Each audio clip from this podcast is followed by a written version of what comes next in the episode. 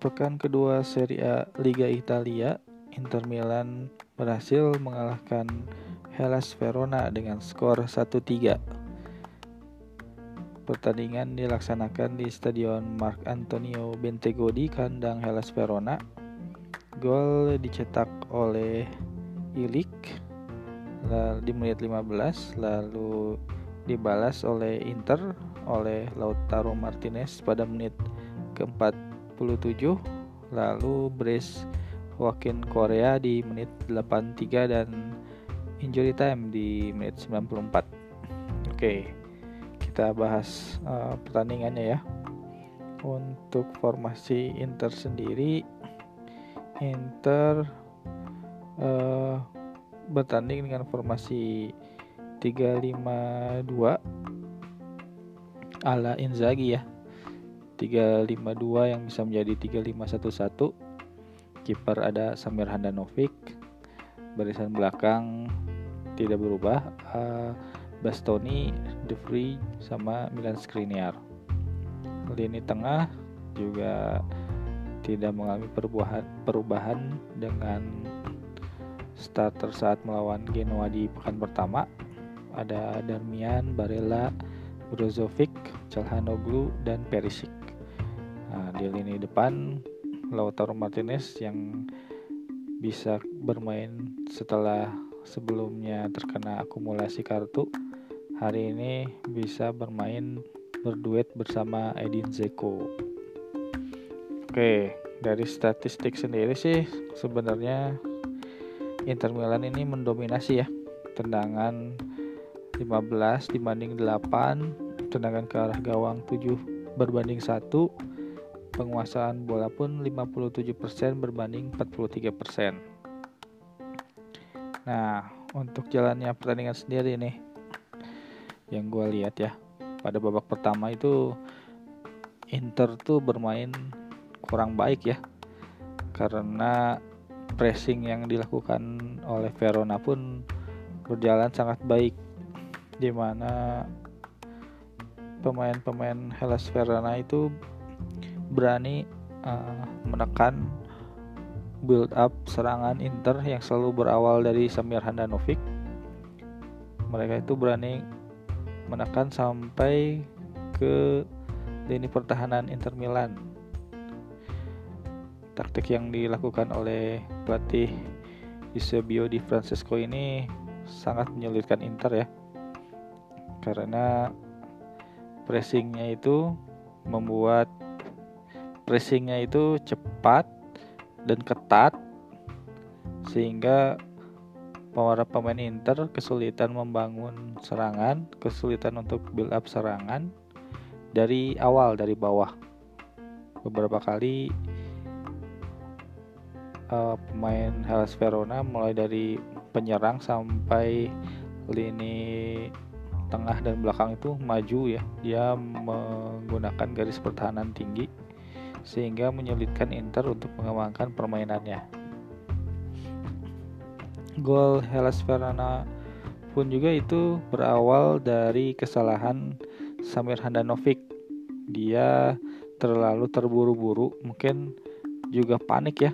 Nah ini tuh padahal Handanovic itu kan salah satu keunggulannya dia punya ketenangan ya sebenarnya. Ketenangan saat lawan mengepres pemain Inter dia biasanya tenang membaca uh, posisi pemain lawan gitu. Nah, cuman waktu pertandingan kemarin tuh yang gue lihat sih mungkin panik itu karena pemain Hellas Verona itu udah siap dan juga mungkin udah mempelajari ya taktik Inter mungkin dari video-video. Jadi mereka itu udah menyiapkan strategi bagaimana cara mengepres si tim Inter ini.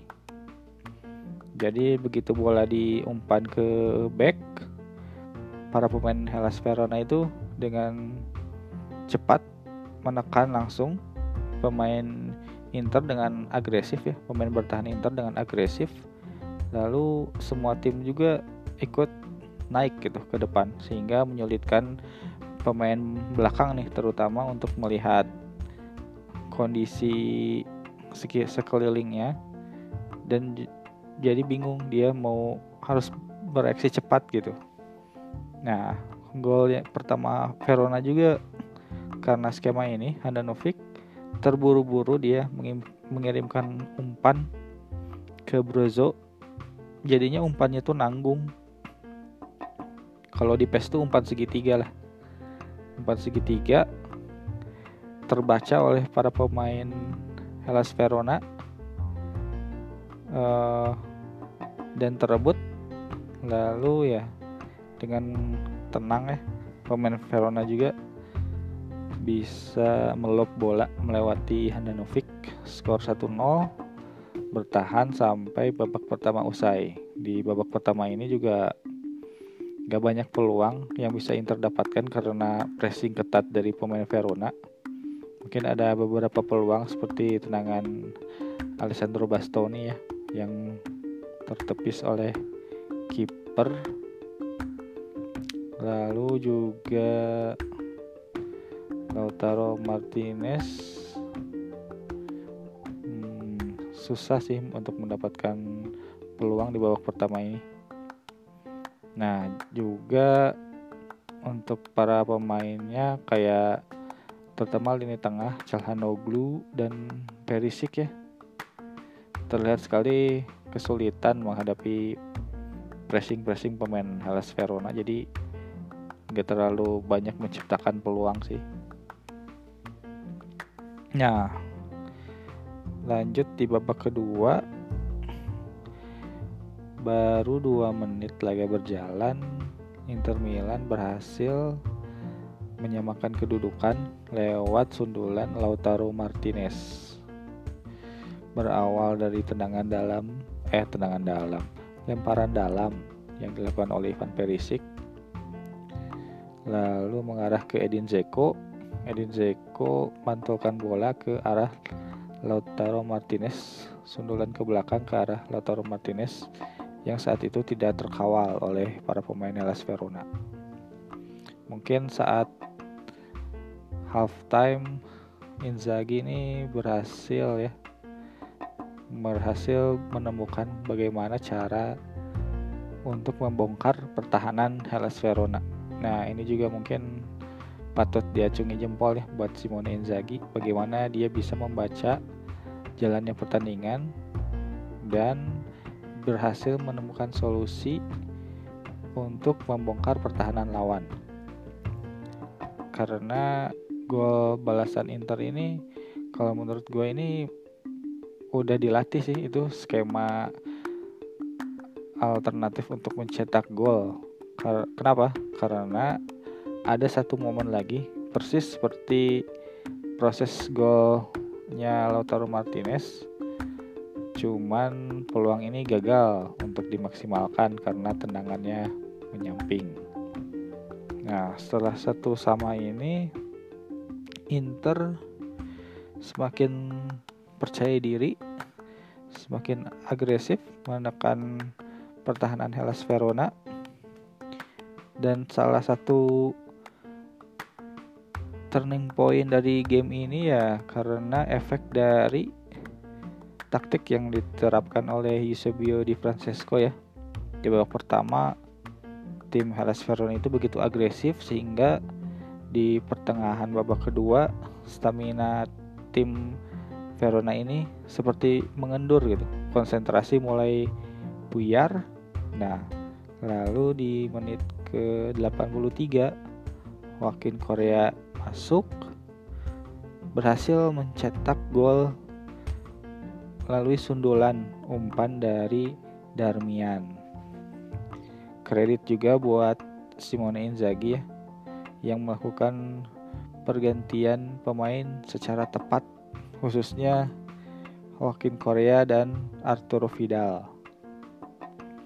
Arturo Vidal ini kalau nggak salah menggantikan menggantikan Brozovic ya? Menggantikan Brozovic nah dari situ determinasi Vidal itu kelihatan banget. Dia berhasil menemukan celah pertahanan di sebelah kiri pertahanan Hellas Verona yang kurang terkoordinasi ya. Jadi sisi kiri pertahanan kosong dan pemain belakang itu uh, center backnya itu tertarik sama Edin Zeko. Jadi dia garis pertahanannya tuh mundur jauh sedangkan sayap lini sayap kirinya itu bermaksud untuk melaksanakan perangkap offside mungkin ya cuman karena kurang terkoordinasi entah itu uh, stamina yang menurun fokus menurun jadi lini kiri pertahanan Hellas Verona itu kosong Arturo Vidal dengan visinya yang bagus mengirimkan umpan terobosan ke sisi kiri pertahanan Verona. Darmian sprint mengejar bola lalu mengirimkan crossing ke arah Joaquin Korea. Si Korea ini gue baru tahu ternyata tinggi juga ya. Kalau nggak salah 189 cm ya. Tinggi juga. Ternyata gue kira tuh Korea itu tipe-tipe striker kecil yang mencari celah kayak Pocher gitu ya. Cuman ternyata tinggi juga ya. Mungkin hampir sama dengan Edin Zeko ya. Jadi Inter tuh punya dua pemain tinggi ternyata. Darmian mengirim umpan Edin Zeko berlari ke arah tiang dekat tetapi bola mengarah ke eh, tengah kotak penalti dan Korea menyundul skor menjadi 1-2 nah setelah gol 1-2 ini Inter udah mulai lepas ya bermain lepas. Sebenarnya dari uh, skor 1-1 pun udah mulai lepas tapi saat 2-1 ini ya benar benar Hellas Verona pun rencananya berantakan jadi ya harus mau nggak mau harus menyerang. Akhirnya di menit akhir Korea berhasil uh, memanfaatkan kelengahan uh, pertahanan Verona ya. Menerima umpan Barella dia tidak terkawal dan dengan jeli melihat celah untuk menendang di sisi kiri dari kiper uh, Verona Montipo. Ya uh, mungkin itu review pertandingannya. Untuk review pemain sih hmm, kalau yang gua baca emang rating terburuknya sih Handanovic ya. Karena peluang itu peluang yang didapat Verona itu satu-satunya peluang yang mereka punya jadi mereka itu cuman punya satu shot on goal dan berhasil menjadi gol. Secara tidak langsung ya itu emang benar salahnya Handanovic atau Brozovic, tapi emang Handanovic sih itu karena terlalu terburu-buru dia, jadi ngasih umpan yang ngawur gitu. Untuk pemain terbaik sih, gue rasa nomor satu Korea ya, tentunya penentu kemenangan. Lalu yang kedua mungkin Arturo Vidal. Dan yang ketiga Martinez lah.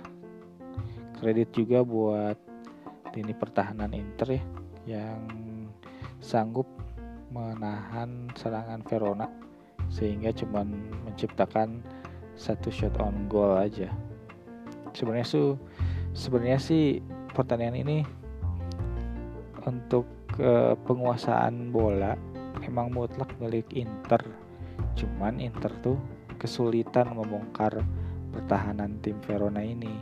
Jadi seperti kebingungan karena di lini tengah tuh pressingnya emang ketat banget dan mereka tuh jarak antar pemainnya deket banget gitu. Oke.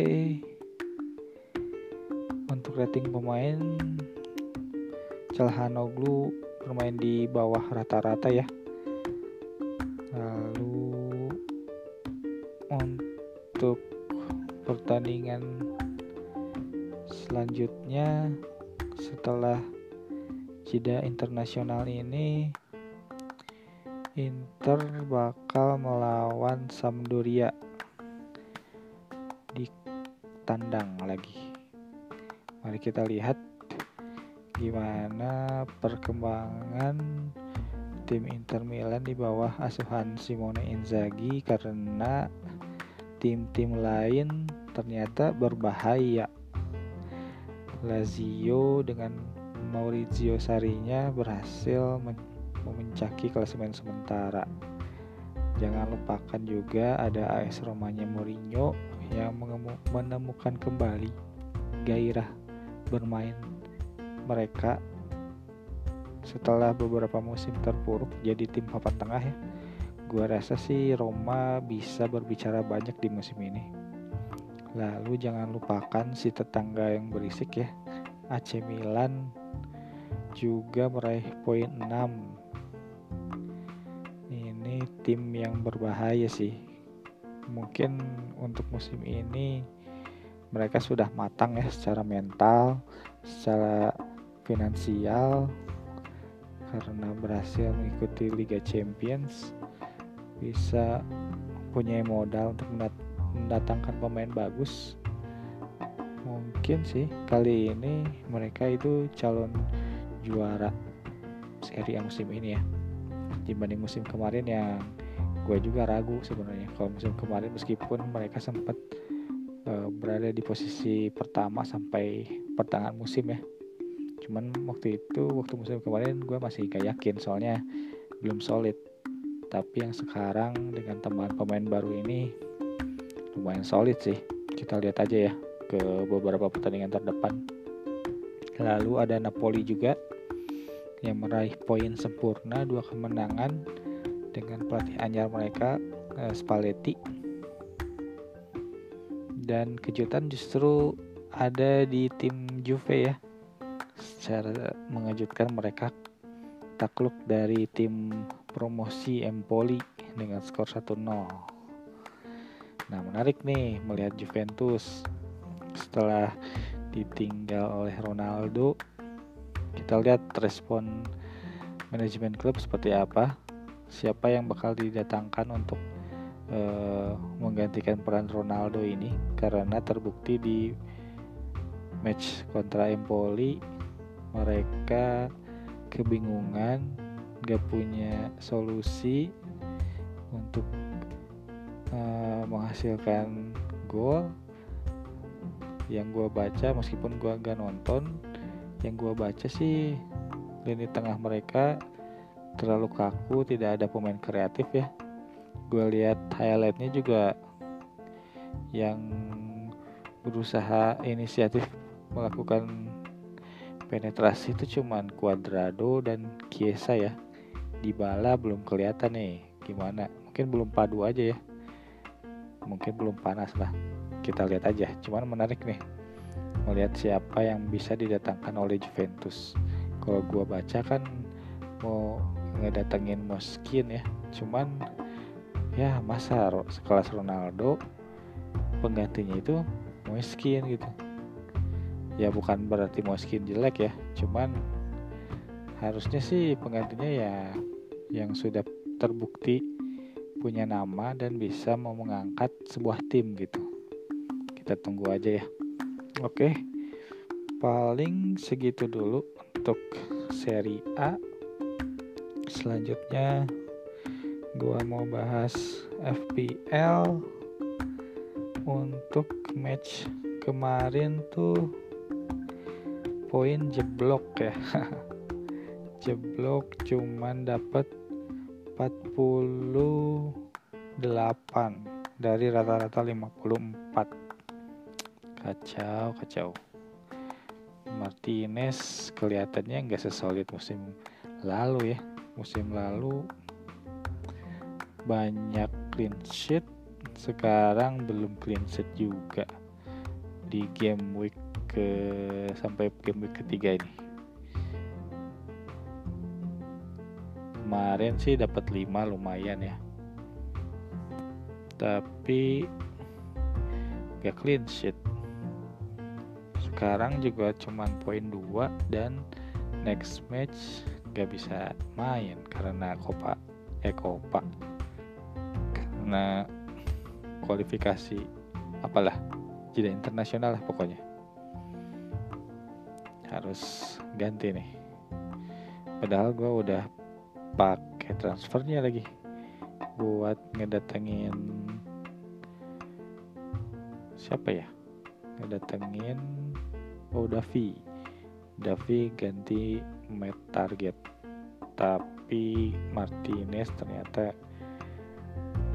hmm, next match gak bisa main. Kiper pun gue pasang eh gue punya Ben Foster yang gak pernah main dan cedera. Oke. Bisa-bisa gue pakai wildcard nih untuk masih untuk match keempat nih. Lini belakang show dapat 6 alhamdulillah clean sheet lawan Wolves ya. Poin 6 Alonso 2 match lawan Liverpool Liverpool Chelsea ini gue nonton emang seru banget sih matchnya. Emang Liga Inggris tuh kick and rushnya emang bener-bener ya.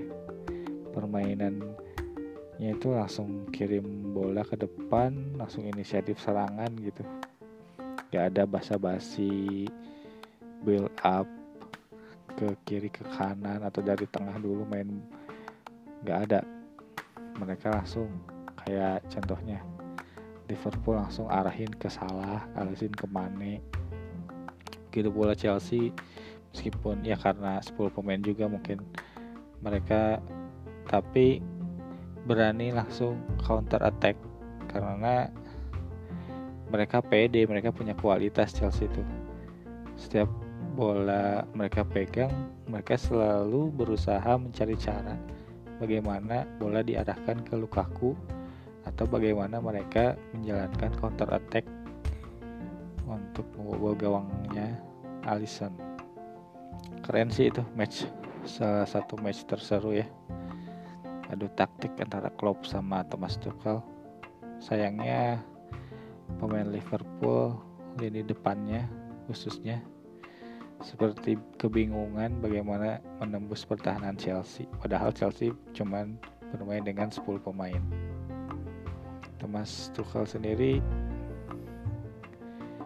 bisa dibilang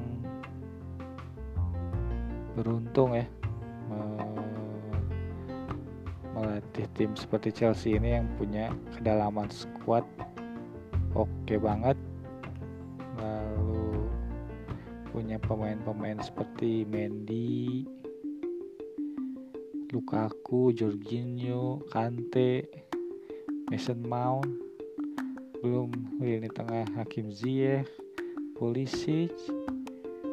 Waduh siapa yang nggak mau latih Chelsea ya? Oke balik ke FPL lini tengah Dallas Fernandes Mount Grealish Socek yang perform cuman Grealish dengan satu assist. Cuman dapat 6 lainnya standar dua. Lalu lini tengah eh lini tengah lini depan gua pasang Antonio sama Harry Kane. Harry Kane ini gua tunggu-tunggu ternyata belum perform juga. Kita lihat lah di game week 4 perform gak dia? Kalau enggak ya gua jual aja lah mumpung ada Ronaldo ini harganya mahal banget gila. 12,5 pemain baru harganya sama kayak salah. Kita lihat nih performanya seperti apa. Ya.